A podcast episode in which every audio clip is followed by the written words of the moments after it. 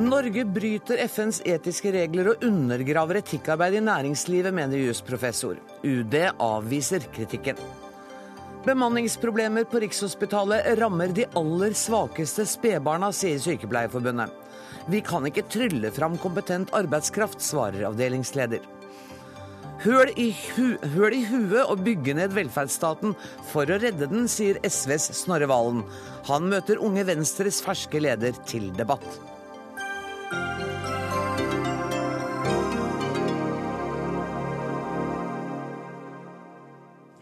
Dermed er vi i gang med fredagsutgaven av Dagsnytt 18, der vi også skal møte NRKs nye dramasjef, som har valgt seg slagordet 'bredt og briljant' for sin jobb.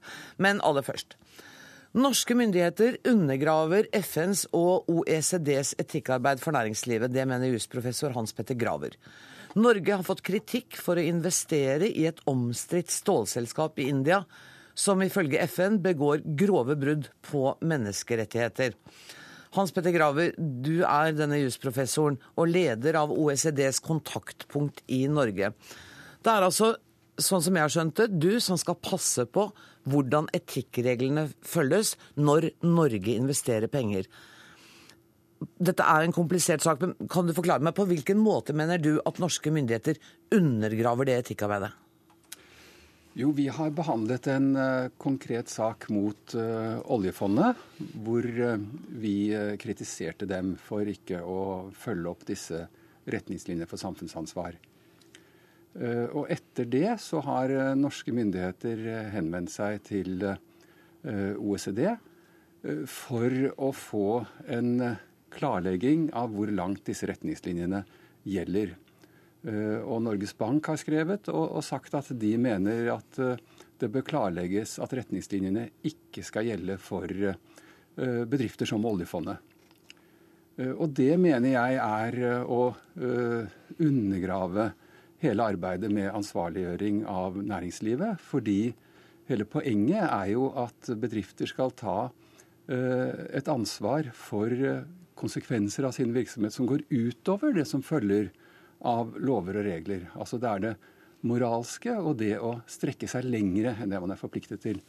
Men, men, er det ikke slik at uh, ifølge UD er, og Finansdepartementet er en grense for når dette ansvaret vårt for å følge de reglene slår inn? Altså når vi er en liten eh, deltaker, så slår det ikke inn? Nei, Det er nettopp det som uh, er en helt feil tilnærming. For tilnærmingen er at alle Eh, som driver næringsvirksomhet, har et ansvar for eh, å passe på de sosiale konsekvensene av det man gjør. Og så kommer spørsmålet hva innebærer det ansvaret? Eh, sånn at norske myndigheter og Norges Bank burde heller spurt seg hva innebærer dette for oss, og hvordan kan vi fornuftig sett gjøre noe ut fra den posisjonen vi har. Men istedenfor så tar de altså den motsatte tilnærming og sier at vi vil ikke gjøre mer enn det vi er forpliktet til. Og helst litt mindre. Nei, det var det jeg som sa. Unnskyld. Det var, det, det var en helt uh, ubetimelig replikk. Men dette, denne stålbedriften uh, i India, der er det altså kommet uh, rapporter fra FNs fagpersonell i India de anbefaler at hele fabrikken rives fordi det begås brudd på menneskerettigheter, på arbeidsmiljø og alvorlige saker. Og Norge, er det sånn da at Norge toer sine hender fordi vi bare er inne med 1% ja, altså Vi vet ikke egentlig hva oljefondet gjør. Og vi vet heller ikke eh, i hvert fall Vi har ikke tatt stilling til eh, forholdene i India. For vi kom ikke så langt. Eh, vi spurte oljefondet hva slags rutiner er det de har på plass. Mm. For å kartlegge risikoen for at de blir, eller kan knyttes til brudd på menneskerettigheter gjennom sin investeringsportefølje. Eh, og hva slags rutiner er det de har på plass eh, for å, å forsøke å motvirke dette der hvor det viser seg at det er en risiko for det. Hva svarte oljefondet på det? Det svarte de ikke på, og det er jo det som er problemet. Oljefondet er ikke i dialog med dere i det hele tatt? Nei, altså de var i dialog med oss, og, og, de kom på møter og de svarte på brev, men de svarte ikke på de spørsmålene vi stilte. Og eh, det begrunnet de med at de mente at ikke de var forpliktet under disse retningslinjene. Vi har også forsøkt å komme i kontakt med oljefondet i dag. Vi har også vært i kontakt med Finansdepartementet, men de henviste til Utenriksdepartementet, og derfra eh, kommer du, statssekretær Bård Glad Pedersen. Hva sier du til kritikken fra Graver?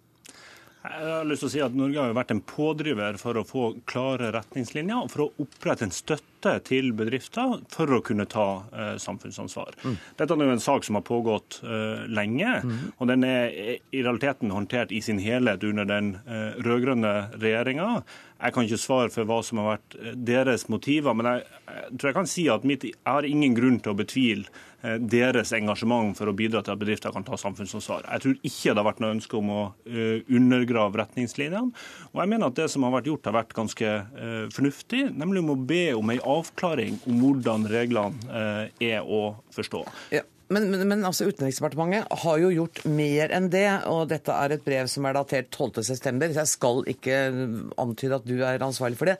Men i dette brevet, som altså utenriksminister utenriksministeriet sender til OECD, så uttrykker man en dyp bekymring over den eh, voldsomme myndigheten Graver har i forhold til å tolke retningslinjene, og mener at den myndigheten bør ikke tilligge ham, og at eh, retningslinjene skal tolkes på en annen måte. Har dere nå revurdert dette og tenkt annerledes rundt det?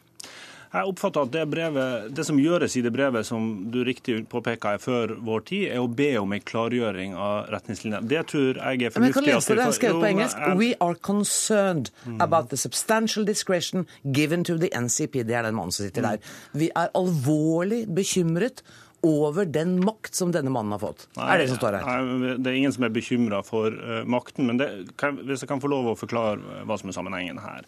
Det er altså et, uh, Utgangspunktet for denne saken er et sørkoreansk uh, selskap som investerer i India, og som har dette, I dette selskapet er det noe sånt som 200 000 aksjonærer.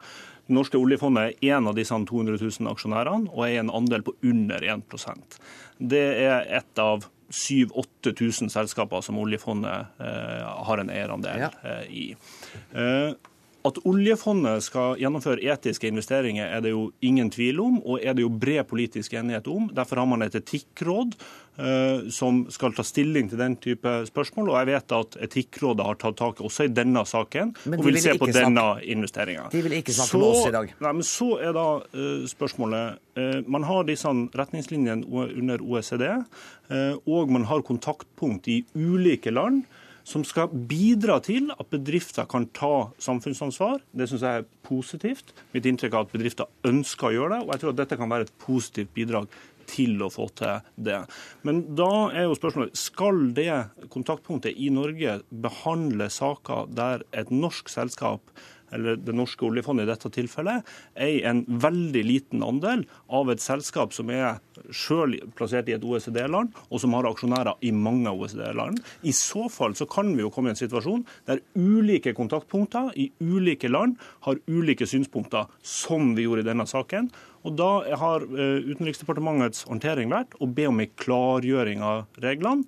Det var før vår tid, men jeg mener at det er ganske fornuftig, og jeg syns vi skal avvente svaret på, på det. Graver. Nei, det er ikke det saken gjelder i det hele tatt. Altså, Det sørkoreanske kontaktpunktet har behandlet og avsluttet saken mot det sørkoreanske stålselskapet. Og de fant ut fra sin tolkning at eh, retningslinjene ikke kom til anmeldelse på det.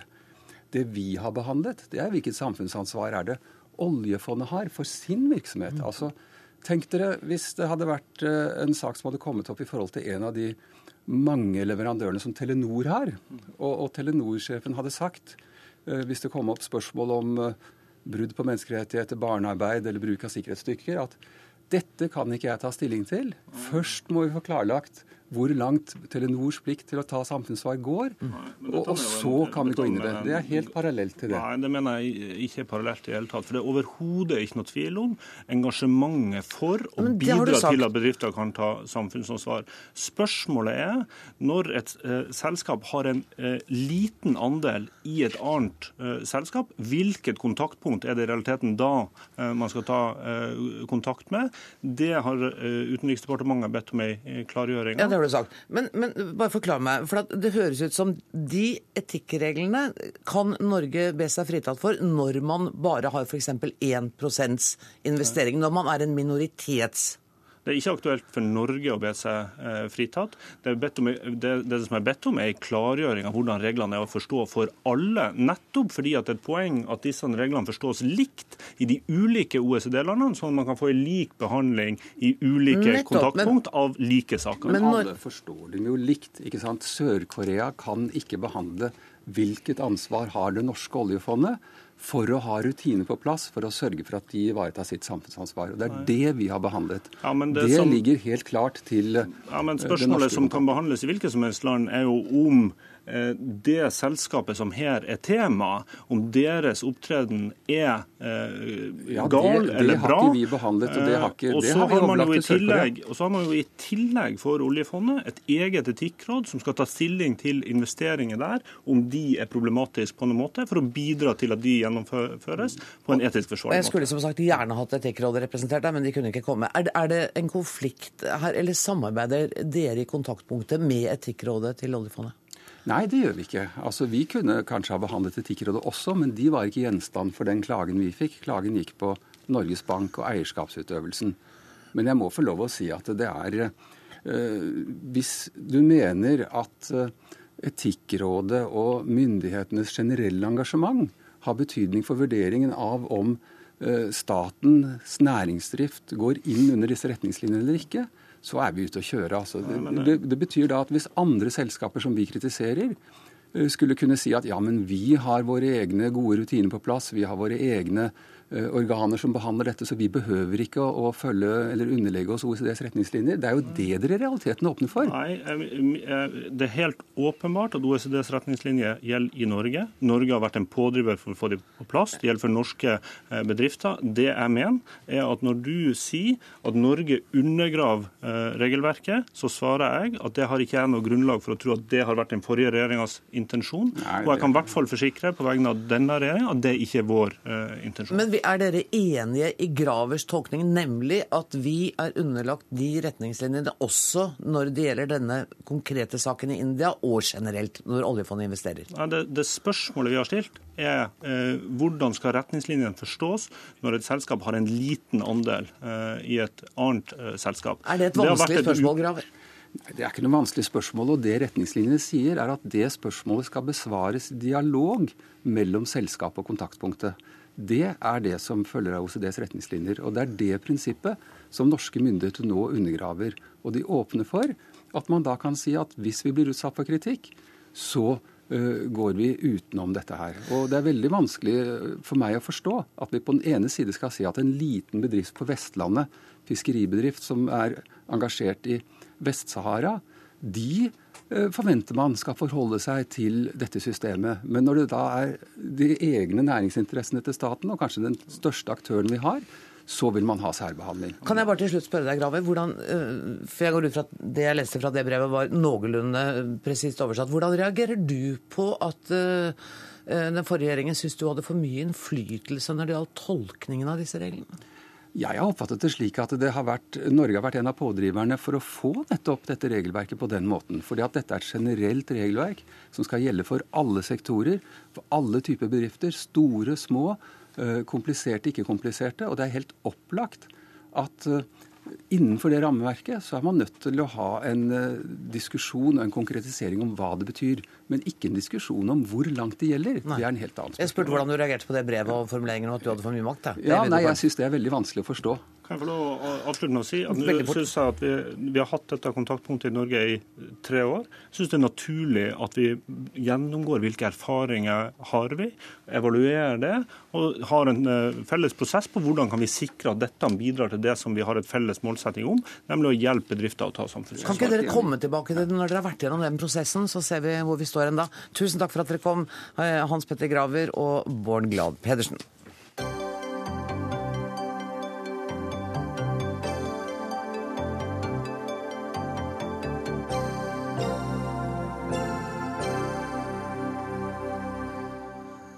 Allerede fra skolestart neste år kan Bergens sjuendeklassinger få karakterer i engelsk, matematikk og norsk.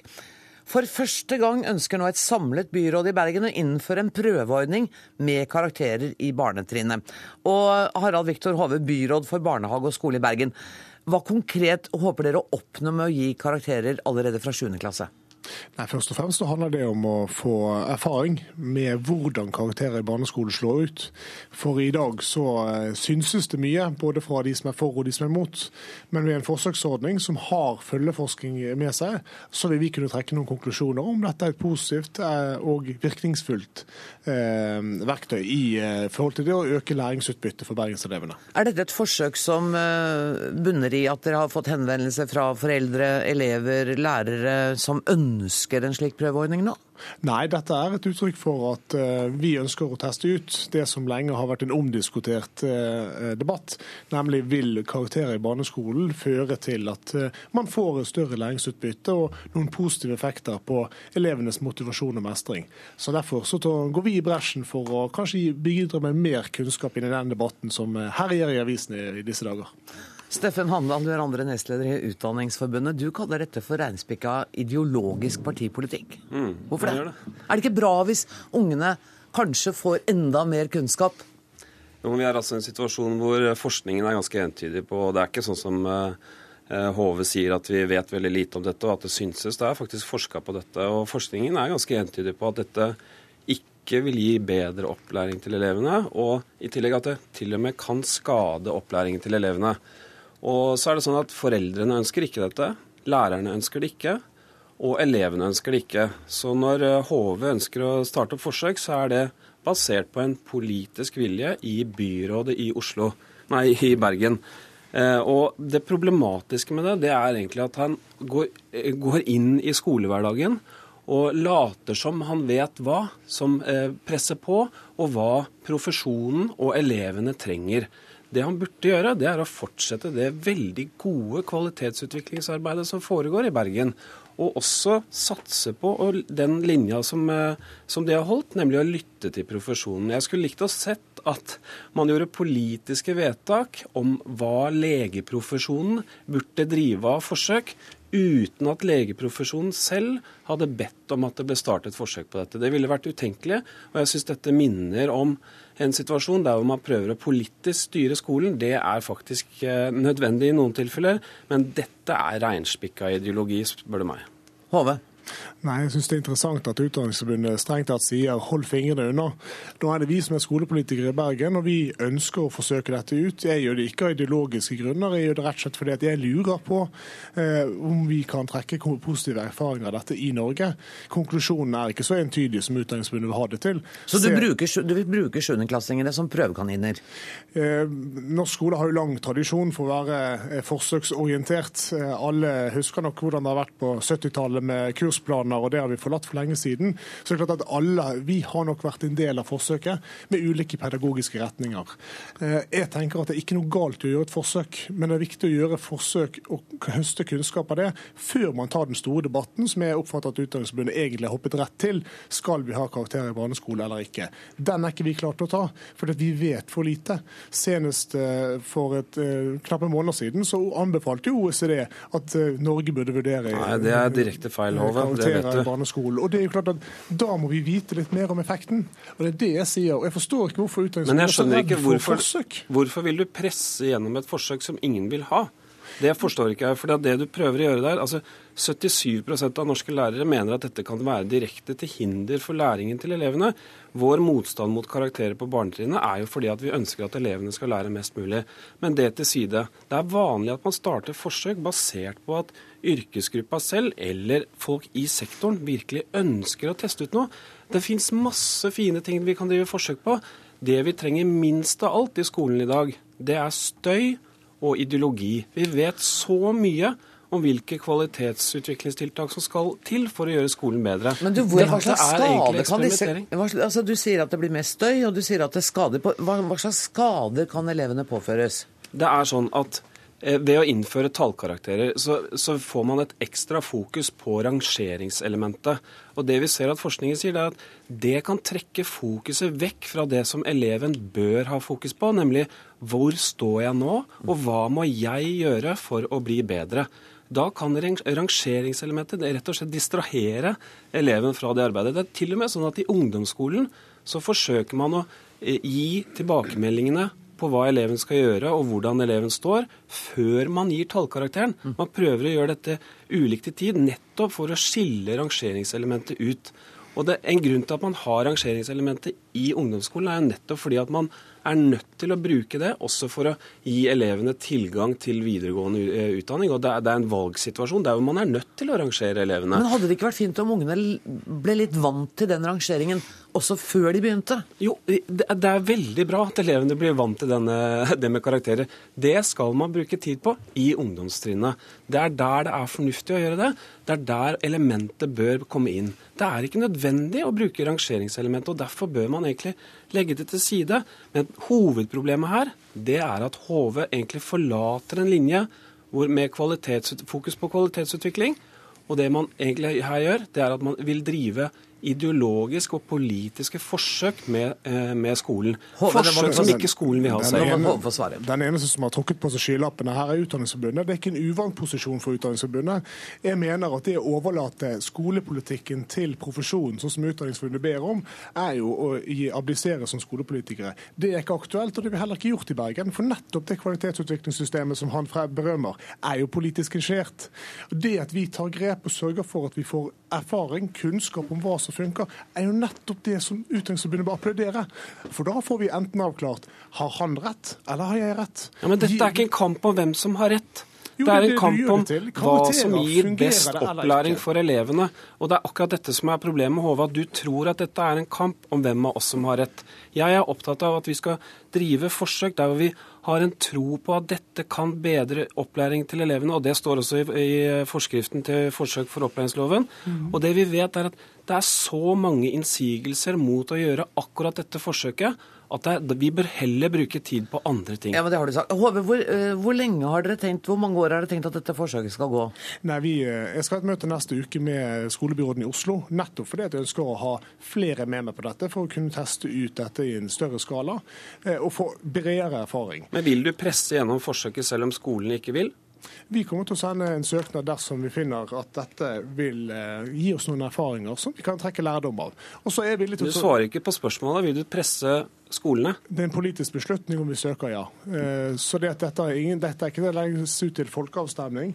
Og jeg mener at Folkeavstemning? Det er profesjonen du snakker om. Utdanningsforbundet bør være interessert i å få avklart om det de nå sier her, har rett eh, eller ikke. Det er ikke bare noe jeg sier. Det er forskningsmessig belegg for det. Du har liten tynt forskningsmessig belegg for det, og så blir spørsmålet hva kan vi trekke av konklusjonene. Men hvis du har så god eh, tro på at du har rett, så bør du være glad for at vi får avklart dette en gang for alle. For og det kommer dere til å få, men det skjer ikke i dette studio. Jeg er dessverre nødt til å sette strek, men tusen takk til eh, Harald Viktor Hove og til Steffen Handal.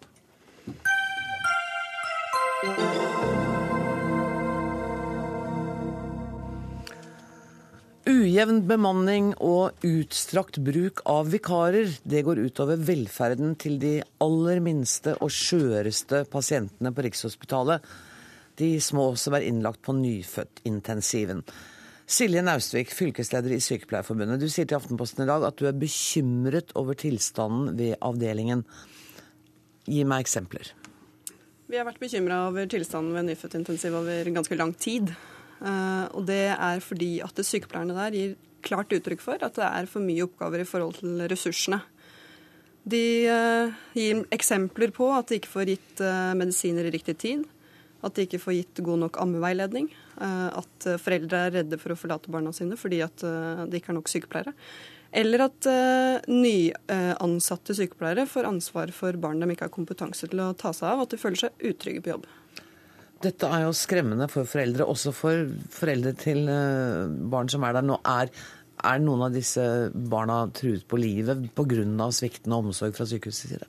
Nei, jeg har ikke lyst til å skremme foreldrene til de barna som er der. Det er masse dyktige sykepleiere og leger på nyfødtintensiv som tar godt vare på dem. Eh, men det er til tross av, og ikke fordi.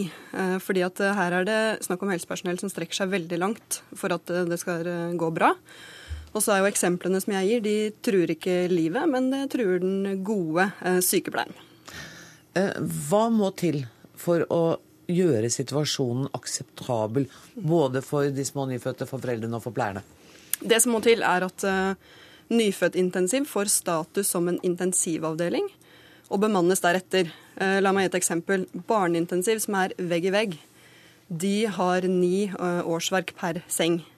Mens nyfødtintensiv har bare 5,7 årsverk per seng. Det er ingen grunn til at man ikke skal ha samme bemanning på en nyfødtintensivavdeling som en barneintensivavdeling. Sverre Medbø, du er avdelingsleder ved nyfødtintensiven på Rikshospitalet. Er du enig med Naustvik i at dere bør ha samme bemanning som barneintensiven? Dette er en uh, vurdering som, som, våre eiere må, må, ta, men vi har uh, formidlet uh, dette tallmaterialet til sykehusledelsen i den situasjonen vi har vært i i løpet av de siste ett til to årene, med en krevende bemanningssituasjon. Men hva syns du? Ehm, vi har, eh, vi har, eh, for få ansatte sånn som det er i dag, i forhold til de oppgavene vi skal løse. Vi eh, hadde en økt tyngde, altså alvorlighetsgrad av sykdom, på våre pasienter i, i de to siste årene i forhold til det vi hadde tidligere år. Og da har vi gjort endringer i bemanning. Vi har økt bemanningen med en 10-12 fra eh, sist sommer. Eh, men vi har ennå ikke sett nytten av det, fordi at det tar lang tid å lære opp våre nye medarbeidere. Ja, Det var, det var mitt neste spørsmål. Det er vel ikke bare å sette inn mennesker til å gjøre dette? Dette er spesialiserte, kompliserte arbeidsoppgaver? Dette er en høyspesialisert avdeling, og der eh, jeg har høykompetente medarbeidere i avdelingen som løser vanskelige og krevende arbeidsoppgaver alle årets dager til alle døgnets tider. Men du har ikke nok av dem? Eh, det tar tid å lære opp, eh, og eh, da er det sånn at vi må lære opp våre egne ansatte. Og de som da er ansatte nå i sist sommer, de vil være delvis intensivkompetente neste sommer, altså etter ett år. Bare delvis? Og så tar det ytterligere ett til to år før de kan løse de aller vanskeligste oppgavene med de aller vanskeligste pasientene i avdelingen. Syns du Naustvik overdriver når hun refererer hva hun har hørt fra sine medlemmer på din avdeling? Uh, jeg syns nok det er Jeg kjenner meg ikke helt igjen i den beskrivelsen. Uh, og jeg er helt sikker på at mine medarbeidere gir veldig god behandling til alle pasientene i den situasjonen som er nå, selv om det er krevende med mange nye arbeidskamerater som må læres opp i tillegg til at de skal løse pasientoppgavene hver dag. Nøstvik, eh, svartmaler dere litt for å få presset på med flere stillingshjemler så fort som mulig? Nei, vi gjør faktisk ikke det. Eh, og det er flere ting ved det her som er veldig alvorlig. Vi anerkjenner at, eh, at det har blitt gjort ting, og at det har blitt ansatt sykepleiere, og det skal OS ha ros for. Men det er bare det at det trengs mange flere, og det handler om kompetanse. Og én ting er jo at man lærer opp nye folk, men så tyter det ut til andre enden. Vi mister erfarne sykepleiere, som er veldig veldig viktig for at en avdeling med masse nye mennesker skal funke. Og I tillegg så har OS gjort en uh, veldig viktig ting til. Det er at de har satt av 15 utdanningsstillinger uh, til å utdanne sykepleiere på nyfødtintensiv mm. og spesialisere dem. Problemet er at det er bare to stykker som har søkt. Hva kan grunnen være til det? De sier ganske tydelig at det er fordi at tanken på å måtte binde seg, det vil jo da være en toårs bindingsperiode til den avdelinga etterpå, tanken på å binde seg til det som egentlig burde være landets mest spennende fagmiljø for en sykepleier, eh, det gjør at de blir fysisk dårlige, og det orker de ikke gjøre. Og her er det snakk om muligheten til betalt videreutdanning for eh, sykepleiere, og det er helt ufattelig at man ikke ser at det er et veldig alvorlig symptom på situasjonen ved avdelinga. Men det høres ut som dere har problemer. Dere har 15 stillinger, og det er to som søker. Ja, vi, vi har problemer. Vi, var, vi er veldig overrasket over at det faktisk er så få som har valgt å søke på disse stillingene. Det er en, et kull med uh, nyfødtsykepleiere som utdannes også i dag. De har, hadde, har en helt annen og mye dårligere kompensasjon enn stipendordning. Eh, fra seksjon Rikshospital så er det seks sykepleiere som eh, går på den utdanningen som er ferdig da sommeren 2014. Så vi var veldig, hadde store forhåpninger om at eh, mange skulle søke denne utdanningen nå, og er overrasket over at, over at det er så få som har søkt. Fylkeslege i Oslo og Akershus Petter Skau, ifølge Naustvik har Sykepleierforbundet kontaktet dere med flere bekymringsmeldinger uten å få svar, selv etter et halvt år. Ja, det er kanskje ikke helt riktig, men Ok, hva er riktig? I, I april fikk vi en rekke bekymringsmeldinger fra enkeltmedlemmer, enkeltsykepleiere, verneombud, enkeltleger og fra pasientombudet. Og Da opprettet vi en tilsynssak i slutten av april. Ba om en redegjørelse fra sykehuset, som vi fikk 31. mai. Ganske grundig redegjørelse over de tiltakene som Mjødberg bl.a. har skissert. Altså en økning av og sykepleierforbundet har skissert, en økning av utdannelseskapasiteten. eh, Og en styrking med elleve sykepleiere på, på nyfødtintensiv. Som eh, Sykepleierforbundet da eh, nå eh, finner at eh, man trenger ytterligere. Vi ser ganske alvorlig på den situasjonen. Vi gjorde det da, og vi har en tilsynssak gående som faktisk ikke er avsluttet. Og det er helt riktig at vi så fikk en ny henvendelse fra Sykepleierforbundet, tror det var eh, 3. eller 5. oktober, hvor vi ba om litt mer tydeliggjøring av hva som var de problemene per i dag, og det har vi fått. og den skal vi diskutere veldig alvorlig i dag. Vi har hatt møte i dag også med Statens helsetilsyn om dette, og vi, blant annet dette, og vi skal selvfølgelig veldig gjerne ha et møte med Sykepleierforbundet eh, så snart som mulig. Det, vi tar, eh, tar det alvorlig når tillitsvalgt tar opp disse sakene. og- Jeg tror Naustvik er klar for det. Jeg tror Naustvik er klar for et møte med deg i morgen igjen. Ja, Problemet med et nyfødtintensiv er at det er faktisk avdelinger som er bygd for en annen tid, over hele landet. Eh, og det er en prekær mangel på fagfolk til å bemanne de opp. Og dette er ikke et rent Oslo-problem, det er, eh, men det er mest uttalt her. Men å bygge dette og bemanne de annerledes Jeg tror at det, at det er forskjell i Oslo-området framfor hele resten av landet, fordi at det er en mye større migrasjon eh, Ja. av unge voksne som eh, bor i storbyen en periode av sitt unge voksne liv, men når de skal etablere seg med familie osv., så, videre, så er det mange som flytter hjem, eventuelt til mindre steder. Og det er tross alt ganske så kostbart å bo i Oslo. Det er en del som sier at vi har ikke råd til å bli boende her. Sånn at dette er et eh, fenomen som er helt annerledes i Oslo Oslo-området enn det det er i andre byer i Norge. Så der er jeg faktisk uenig med deg. Men, men Jeg tenkte, jeg tenkte også at, eh, at Rikshospitalets nyfødtintensivavdeling har faktisk de aller sykeste barna i hele landet. Så de er i en helt annen situasjon enn et, eh, et eh, vanlig sykehus ellers i, i Norge. men, men Petter Skau, hva er din rolle her? Jeg mener, Du kan jo ikke bare gi dem eh, en masse Du kan ikke trylle fram en masse høyt kvalifiserte sykepleiere. Hva er din rolle i dette? Vår rolle er nå å høre på de nye bekymringene, ta de på alvor, og også da ta de opp med sykehusledelsene og fortsette tilsynssaken. Og hvis det er slik at forholdene finnes uforsvarlige, så vil det gå videre til Statens helsetilsyn. Men foreløpig så er vi ikke der. Vi skal først nå ta en, en samtale med Sykepleierforbundet. Vi skal ta et eh, møte med ledelsen på sykehuset, og så får vi se hvordan det går videre.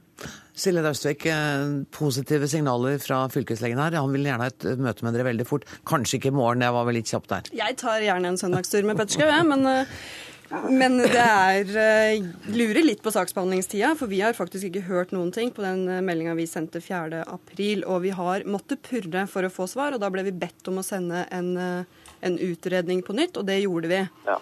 Eh, Men det er ingen tvil om at eh, de barna som er på nyfødtintensiv på Rikshospitalet, det er de sykeste barna, og det er de minste barna. Noen av dem er så små som små smørpakker. Og de fortjener virkelig kompetent personell, og det veit jeg at også Mebø mener. Og da er det ingenting annet å gjøre enn å si at det skal være bemanning som en intensivavdeling. Eh, Nå sier Petter Sklav at vi er ikke der enda at eh, situasjonen er uforsvarlig. Det er du enig i?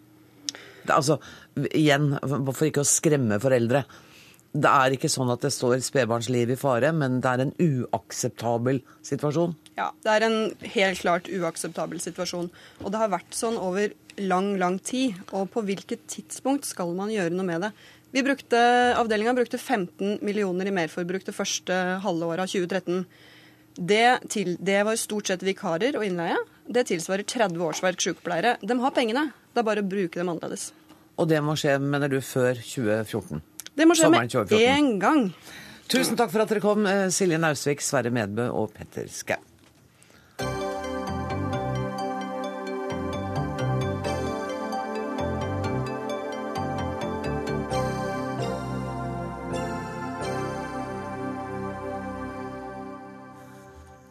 Presse og myndigheter i flere europeiske land har i det siste blitt kritisert for håndteringen av saken om den fire år gamle lyshårede Maria, som ble hentet ut av en romleir i Hellas. Det ble antatt at jenta hadde blitt kidnappet, før det viste seg at hun er datter av en mørkhudet bulgarsk kvinne som har adoptert henne bort til et rompar. Forfatter Guro, Sibeko, tidligere denne uka skrev du i Aftenposten at etter at denne saken eh, kom, så går du rundt med en sitat bitte liten frykt for at politiet skal stanse deg og din fire år gamle sønn på gaten. Hvorfor det? Eh, nei, for det første er ikke sønnen min fire, han er ni. Oh ja, ni. Ni eh, for det andre så snakker vi altså ikke om en frykt som om Altså, det står også 'hvis vi reiser', altså ut av Ja. Norge. Eh, det er ikke sånn at jeg tror at norsk politi ville stanse meg på gaten. Ok. Eh, men det er sånn at jeg tror at andre steder i verden, hvis jeg reiser med sønnen min til Hellas nå, eh, så vil jeg føle meg mistenkeliggjort som mor. Fordi at jeg er såpass mørk som jeg er, og jeg har en biologisk sønn som er blond. Og tanken på å bli innhenta på en politistasjon og skulle sitte der og ikke være helt sikker på hvordan sønnen min hadde det, og hvor han var hen, til jeg kunne bevise at han er mitt barn, går ganske kaldt nedover ryggen på meg. Du retter også kritikk mot norske journalister og nesten et samla pressekorps. Og du skriver, nå skal jeg prøve meg på et sitat igjen, håper det er riktig denne gangen. Et samlet norsk journalistkorps dyrker 30-tallets rasestereotypier. Eh, Et samla norsk journalistkorps videreformidler disse rasestereotypiene fra eh, internasjonal presse eh, ukritisk. Og støtter dermed opp under dem. Og jeg syns det er ekstremt skremmende. For det er jo sånn, og nå mener jeg altså ikke at norsk presse er rasistisk, det er veldig viktig å få sagt. Eh, Men jeg mener at norsk presse er bevisstløs i forhold til hvilke holdninger og hvilke eh, myter de videreformidler som sanne. For det er jo sånn at myten om at romfolk, eller at sigøynere stjeler kristne barn, er jo en av de eldste mytene om romfolket, og det er den myten som i størst grad har blitt brukt som argument for å brenne og henge romfolk opp gjennom historien. Så jeg tenker at før man videreformidler den slags, skal man være ekstremt trygg på at man har sitt på det tørre. Og her har ikke norsk presse gjort noe som helst for å sjekke hva de egentlig videreformidler. Journalist i Dagbladet, Inger Merete Hobbelstad, du kaller eh, Sibekos kritikk for følelsesladet, og at den er rettet mot feil adressat. Ja. Eh, altså Nå hører jeg at Subeko modererer seg litt her, og det er jo veldig fint. For jeg reagerte jo da jeg leste hennes tekst, og hvor hun skriver at nå blomstrer plutselig rasetenkningen i norsk media. Og det fikk meg til å hoppe litt, fordi jeg hadde jo fulgt sånn halvveis med på denne dekningen, og det var virkelig ikke inntrykket jeg satt igjen med. Eh, og så gikk jeg bakover og, og så hvordan norske medier faktisk hadde dekket denne saken. Eh, og det de gjorde som jeg tenker at de godt kan ta selvkritikk på, det er jo at de ikke var nok kildekritiske. Mm. at det var tydelig at her sant, tok man politiets eh, forklaringer for gitt og satte det i liten grad inn i perspektiv med hvordan det er i Hellas, hvordan, eh, hva slags fordommer romfolk osv. er utsatt for der. Men altså, det er klart dette var en stor sak, altså en helt legitim nyhetssak. Her er det jo ikke, altså En ting er jo disse barna som forsvinner, for, Hva er det forsvinner som men her- det det er, et, det er barn som er funnet, som politiet i et land kontakter Interpol og sier at her tror vi det er et barn som er kidnappet, og som har foreldre et sted som vi leter etter. Men Det vil si helt klart at er etterlyst? Eh, la meg bare eh, altså det, det var jo det bemerkelsesverdige ved saken. Det ikke sant? Og det at politiet da sier at de faktisk tror dette har skjedd, jeg vil si at selvfølgelig er dette en sak. Eh, og når du leser også hvordan norsk presse dekket den saken, eh, så var det i- ganske saklige gjengivelser. Det var dette sier politiet, dette sier eh, de barnehjemmet som som har tatt over omsorgen for barnet, dette sier parets advokat, dette er deres forklaringer. Altså det var ganske sånn pent sandwichet inn i hverandre, de forskjellige forklaringene til forskjellige partene, eh, partene i saken. Eh, og når dette, når dette da blir, altså som Sibeko da skriver i teksten sin, at alle er enige om at det var reddet hun ble, skriver hun om Maria. Og jeg går tilbake og jeg leser ingen skriver at hun ble reddet. Ingen skriver at hun ble berget. Du skriver at, at man jakter på Marias blonde foreldre. Altså Hva gjelder norsk presse, der var det ikke noe snev av noe sånt. Altså, så Du tillegger jo på en måte holdninger og forklaringer her som altså det, det du sier norsk presse fortalte, var jo ikke det de faktisk gjorde. Og da syns jeg beskyldningene du retter mot dem og deres holdninger, er ganske urettferdig. Nå er det to ting her, og det ene er hva norsk presse faktisk skriver. Eh, Og hva de faktisk videreformidler ukritisk eh, av hva andre lands presse har sagt. Nei, ingen har kalt eh, Maria en blond engel. Alle har videreformidlet at Maria blir kalt den blonde engelen. Forskjellen er forferdelig liten, spør du meg.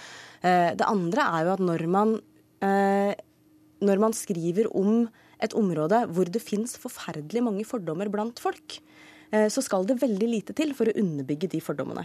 Sånn som altså Når du ser på, på, på kommentarfeltene eh, i, i, under både din sak og min sak og, og det som blir skrevet om Maria-saken, så er det helt åpenbart at veldig mange mennesker har fått med seg at Maria er reddet ut av en leir hvor det da høres ut som om hun type har bodd i telt. Eh, fordi at det var en razzia hvor det ble funnet narkotika og våpen hos hennes foreldre, som da åpenbart er kriminelle.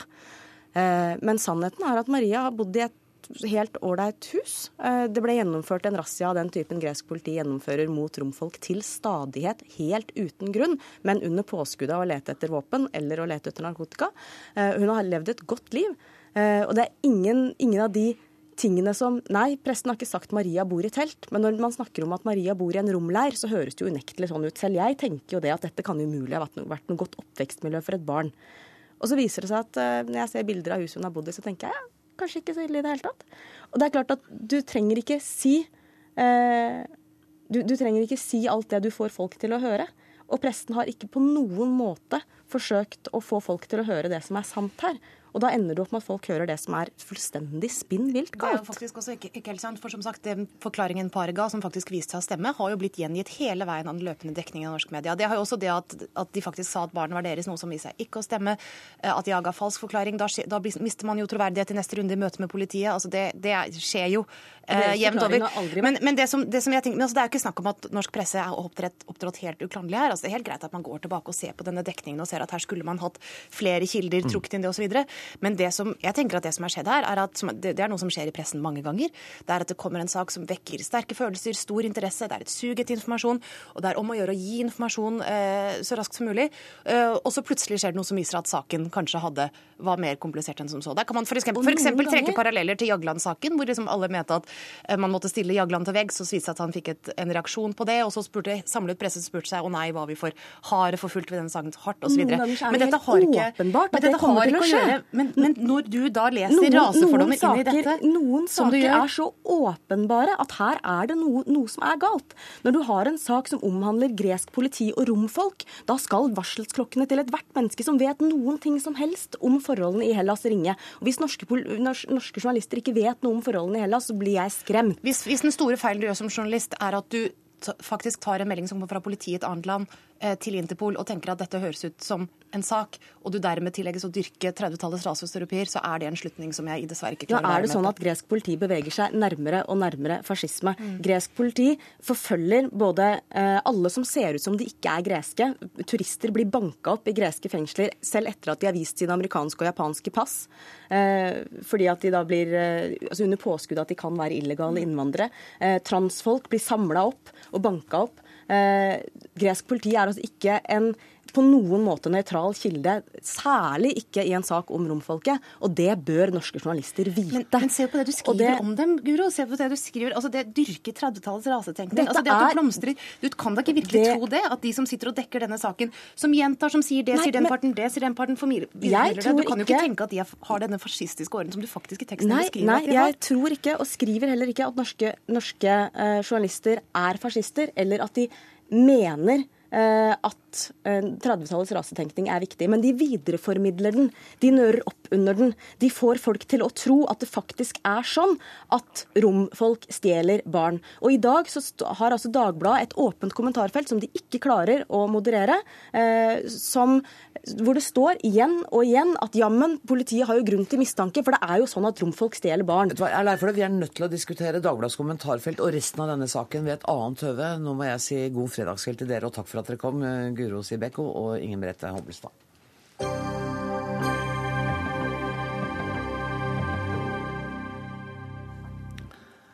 Står velferdsstaten på gyngende grunn? Nei, mener SVs Snorre Valen, som syns høyresiden er preget av unge ideologer som bekymrer seg altfor mye.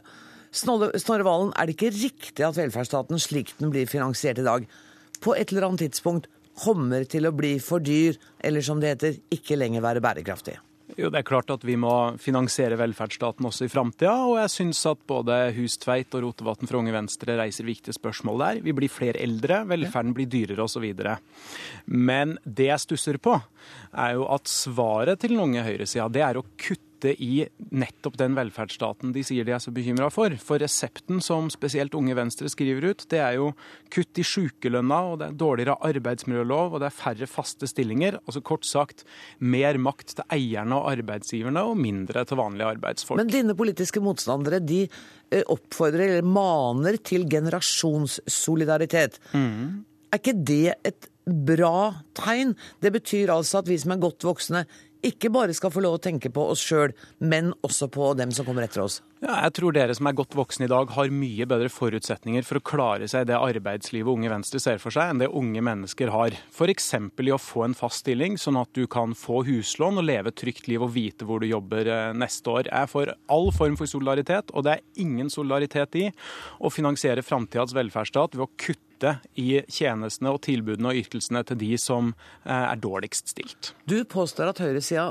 rett og slett vil rive ned velferdsstaten, for så å bygge den opp igjen etter sin modell. Nei, rive ned har jeg ikke sagt, men Ah. jeg har jo merka meg at Venstre, som har en leder som sier at hun blir kvalm av LO, har innsatt en regjering som vil gi store skatteletter i toppen og stramme inn i bånn. Eh, Det har ingenting med velferd å gjøre. Det er god, gammeldags høyrepolitikk med litt ny innpakning. Tord Hustveit, eh, ny leder i Unge Venstre, velkommen hit. Jo, tusen takk. Kjenner du deg igjen på noe punkt i Valens beskrivelse? Veldig lite. Eh, han skriver jo bl.a. i sin kronikk at vi vil bygge ned velferdsstaten. Eh, jeg er ikke enig at vi vil bygge ned, vi vil reformere, sånn at også fremtidige generasjoner kan nyte godt av den sjenerøse sikkerhetsnett som vi har i dag. Hvordan vil dere gjøre det? For det første så vil vi begynne med kutt i sykelønn. I dag så har vi en egenandel på alle velferdsgoder vi har i samfunnet, utenom sykelønna. Og Da tenker jeg det er fair at de som er syke, er med å betale litt, og så betaler de som er i jobb, mye av sykdommen din. Hvor, hva er litt i denne sammenhengen? Nei, jeg kunne godt tenke meg at vi skrudde ned til 70% Eh, Der ville vi spart 14 milliarder i året. Mener du da for hele at du skal ha 70 lønn for hele sykeperioden? Ja, det mener jeg. Snorre Valen, 14 milliarder i året er jo penger, det òg. Men det her oppsummerer jo egentlig hele poenget mitt, og Hustveit eh, sier, sier det jo rett ut. Han vil kutte i ikke ytelsene eh, til mennesker som er rike, f.eks. Han vil kutte hos de som er syke. Og samtidig så tilhører han et parti som vil gi store skattegaver til de rikeste i landet. Og det er å prioritere det, men det har lite med velferdsstat å gjøre. Det er å omfordele fra de som har lite, til de som har eh, veldig mye. Store skatteletter til de rikeste. Det er jeg ikke enig i at vi vil gi. Eh, Vi vil kutte formuesskatten for å skape vekst. Eh, Fjerne den helt, ikke bare På sikt, så. Eh, Men jeg mener at det viktigste nå er å beholde velferdsstaten. Det er å få retta opp i den generasjonskontrakta som er veldig skeiv. Finansdepartementet har jo ført generasjonsregnskap. Det er nå 80 milliarder i minus. De 14 milliardene vi vil fjerne, er fra folk som er i jobb. Er du i jobb i Norge, så er du ganske rik. Da har du det ganske godt. Vi vil ikke kutte i uføretrygda. Vi vil ikke kutte for arbeidsledige. Vi vil da kutte litt i sykelønn. Eh, Så jeg er enig for å være helt presis. et eksempel, da. Det er det jeg gjerne skulle gjort. Uh, Unge Venstre ønsker å kutte 70 uh, Så spørs det om vi får med oss noen flere på det. da. Det er ikke alltid like lett.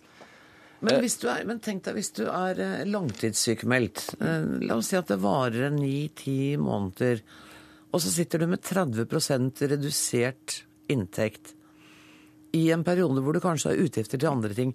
Er det, er det å ha en eh, generasjonssolidaritet?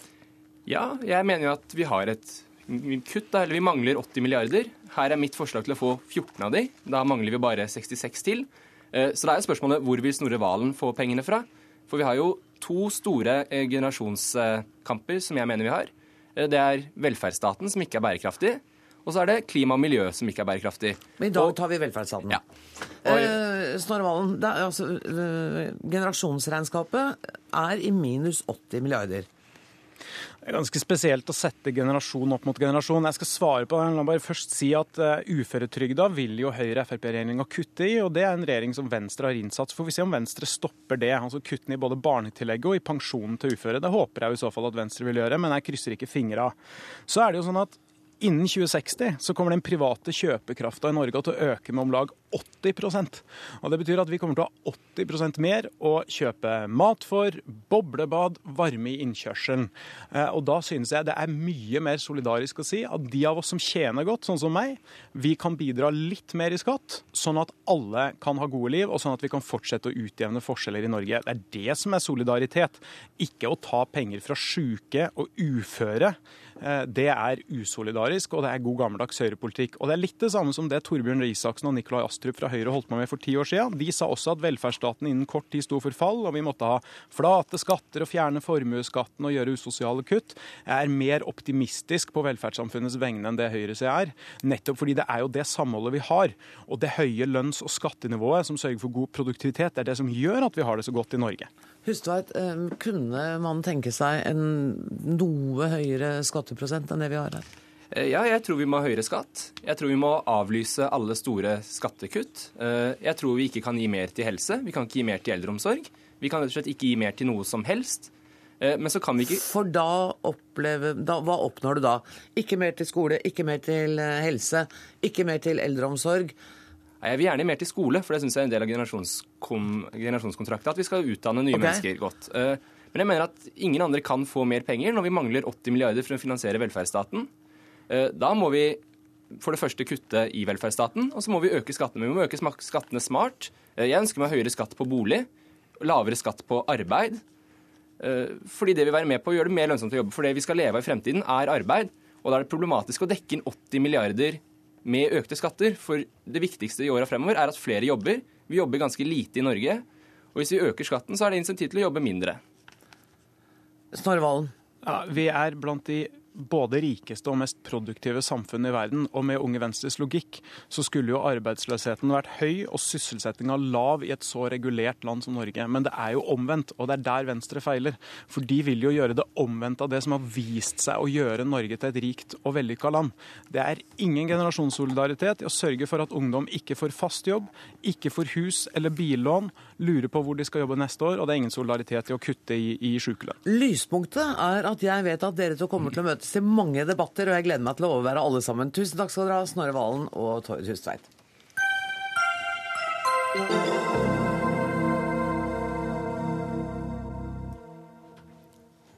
Bredt og briljant, det er slagordet til den nye dramasjefen her i NRK. Velkommen til Dagsnytt 18, Ivar Køhn. Tusen takk. tusen takk. Skal vi begynne med å fortelle hva bredt og briljant betyr? Jeg hadde så lyst til å stjele det og si at liksom, nå skal Dagsnytt 18 også være det, men du hadde jo tatt det. ja, altså Bredt og briljant betyr jo at vi skal lage dramatikk som både når bredt ut til, folket. Og for at det skal nå bredt ut, og at folk skal synes at det er interessant å se på, så må det være briljant. Det er min mening. Du kan nytte dere med noe middelmådighet, det må være veldig bra. Vet du hva, Det er nesten rart å ha en så utrolig blid ny dramasjef etter første dag på jobb. For du har virkelig gått ut til en eh, jobb som det har storma kraftig rundt. Er det smult vann nå? Ja, jeg føler, jeg føler det. altså. Jeg føler, jeg føler, ikke at det er en jeg føler, Eller jeg føler at jeg er blitt tatt veldig godt imot. Uh, og jeg føler at det er en veldig morsom jobb å gjøre. Jeg gleder meg kolossalt å gjøre det. Det er det gøyeste jeg vet, det å holde på med TV-drama. Uh, så dette er ikke noe som, uh, som, Jeg kan ikke la være å være Jeg må være glad da. Og du er jo ikke akkurat det er sånn, Du sier at du liker å holde på med TV-drama, og det er jo ikke liksom, du har ikke gjort det bare et halvt år. Det er faktisk Du er kjent i dette huset. Når var det du begynte? Jeg begynte jo i 87. Det var, det var den første jobben jeg hadde som, innenfor film og, og, TV. Sånn ordentlig jobb. Så, ja, ordentlig jobb? Du var produksjonsassistent? Jeg var produksjonsassistent, innspillingsassistent. Henta kaffe, kjørte rundt opp skuespillere, krasja biler og holdt på og gjorde sånn. Men for meg var det liksom sånn at, at det var um, Jeg tenker sånn at jeg ble pregla av TV-drama.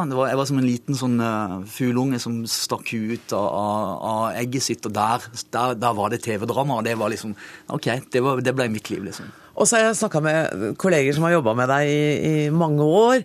Og, og den, uh, i en produksjon som flere nevner, er 'Sabeltigerens sønn' ja. av Ola Bauer. Ja. Og da var du Det var i 89? Ja, da var, da, var jeg, da var jeg 24 år gammel og var eh, kaffekoker og innspillsassistent. Og, Og den var så- med på å forandre deg, eller Ja, prege altså, deg? Ja, eller, alle de produksjonene som jeg jobba med på den tida, var, var, var jo veldig viktig for meg. Og det, for, jeg kom jo egentlig inn til, til, til, til Oslo for å begynne å jobbe med teater. Jeg hadde veldig lyst til å jobbe med teater. Um, så, så tenkte jeg ok, men jeg kan begynne i fjernsynsteater, for det er, jo, det er jo liksom teater. Men så etter hvert så ble det jo mer og mer, eh, mer, og mer fjernsyn, og, og, og, og, da det som, som, som pregler meg som, som person. Mm. Men og så har du sagt at uh, det du skal jobbe med, det er nyskrevede, eh, nyskrevet teateroppsetninger. Litteratur, norsk samtidslitteratur. Um, du svikter liksom gamle fjernsynsteatret, da? Ja, ja, det kan du si at jeg gjør, men, men eh, jeg tror det er veldig viktig at vi lager ny eh, norsk eh, samtidsdramatikk. Men hvorfor må det være åtte episoder eller flere? Ja, det, det har jo med at, at TV-seinga er jo blitt en helt annen enn det var på Fjernsynsteatrets tid. Da var det jo, da ble, lagde de jo masse ting, men det var jo liksom enkeltstående sendinger. og Det var jo som en, en slags, det var jo en teatervisning. da, Det var, det var, det var jo ofte gjort som, som teateroppsetninger. Men nå er, nå er folk vant til en helt annen måte å se TV på. Det er, det er også viktig eh, rett og slett for å bli synlig i, i eh, mediebildet, og for at folk skal liksom få tid til å, til å venne seg til eh, eh, hva som sendes, så må det være lengre tid. Men det er jo også noe av det som er fantastisk med TV TV-dramaen og, og TV-teater, eller TV-drama i serier, det er at du, at, du, at du har muligheten til å utvikle eh, karakterer over lang tid, og mu, mu, muligheten til å jobbe med dem lenge, og du, og du som seer har, har muligheten til å liksom få dem inn under huden og, og bli interessert i, i, i karakterene på en helt annen måte enn kanskje på et enkeltstående eh, sp- eh, spill. Ja, og det blir vi. Vi blir fanget av broen, Broen, av Borgen, altså av dansk serie-TV-drama. Og så har det vært dette har ikke, Det er jo ikke ditt ansvar, men det har vært mye kjefting om de tidligere siste dramaproduksjonene fra NRK. Hva er grunnen til at vi ikke klarer å nå opp til danskenes knær? Jeg tror danskene eh, var veldig bevisste for, for eh, 10-15 år siden, hvor de satsa, eh, veldig bevisst på forfatterne. Eh, og på TV-drama som TV-dramasjanger. De lot seg inspirere fra amerikansk TV-drama, som da var akkurat i veien i, i, liksom, i kom, eh, komminga, og som også hadde utvikla seg veldig i løpet av de årene. Eh, og, og, og tok det til seg. De sa ok, vi lager ikke så mange serier, men vi skal i hvert fall satse veldig hardt på de seriene vi lager. Og så, og så begynte de å jobbe med forfatterne. Og dramatikk og, TV-drama er jo veldig mye forfatternes uh, medium. Og de klarte å få frem en, en generasjon med forfattere som beherska eh, medier, og som klarte å skape karakterer som var veldig bra. Så det, det er en veldig bevisst satsing, og, for meg så er jo det selvfølgelig veldig inspirerende, det som Danmark har gjort. Men de har gjort det liksom over 14-15 år. Da Ja. kjenner jeg at da blir jeg litt sliten. Hvis det er 15 år til jeg skal Nei, nei, det skal ikke bli 15 år til. Vi skal være fortere enn det. Vi skal, eh, vi skal komme fort i gang. Det fins et veldig godt grunnlag i, i Norge nå. Vi har jo, Det er jo ikke sånn at vi, vi har stått stille. Det er ikke Eh, ørken. Nei, det er ikke ørken. Det er, det er mye bra som gjøres her òg. Det er mye bra forfattere nå som kan medier. media, men det er, det, er en, det, er en, det er en læreprosess, og det har tatt tid.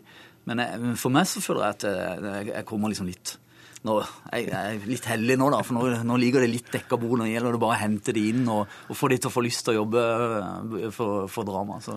Og du har til og med i dag på første arbeidsdagen din vært til stede på opptakene til en ny produksjon? Ja, det er kampen for tilværelsen som jeg var og, og så på. Det, jeg synes det er jo viktig for meg. da, Det er jo, det er jo utrolig deilig for meg nå å komme tilbake igjen til produksjon. Jeg har jobba i, i, i forvaltning i Filminstituttet, og nå, nå er det deilig å komme tilbake til produksjon. Og da var det viktig for meg å komme ut på sett og, og se, se det og bare snuse litt og vite. Det er jo det, det, er det vi skal holde på med. Liksom. Og du har kommet hjem, du. Jeg Nei, ser det på, ser det på deg. Dette kan bli en god helg. Jeg kommer hjem, jeg føler det. Mm. Um, er det sånn at NRK bør ha en egen dramaproduksjon sånn som vi har nå, eller? um, Ja, jeg synes jo det er veldig viktig at vi har det som et, som et stort uh, kringkastingsselskap. Så tror jeg det er viktig at vi også har muligheten til å, til å legge tyngder bak eh, egne, egne produksjoner. Samtidig som det er viktig å samarbeide med, med, det, med det eksterne miljøet. Men alle de, de store uh, kringkastingsselskapene vi liker å sammenligne oss med, har, har internproduksjon. Ivar Køhn, jeg har 15 sekunder igjen av denne sendinga. Jeg rekker å si tusen takk for at du kom, og lykke til med jobben. Jeg rekker også å si at det var Dag Dørum som var ansvarlig for denne sendinga i dag. Eh, Det tekniske ansvaret har Finn Lie, og jeg heter Anne Grosvold. Takk for nå.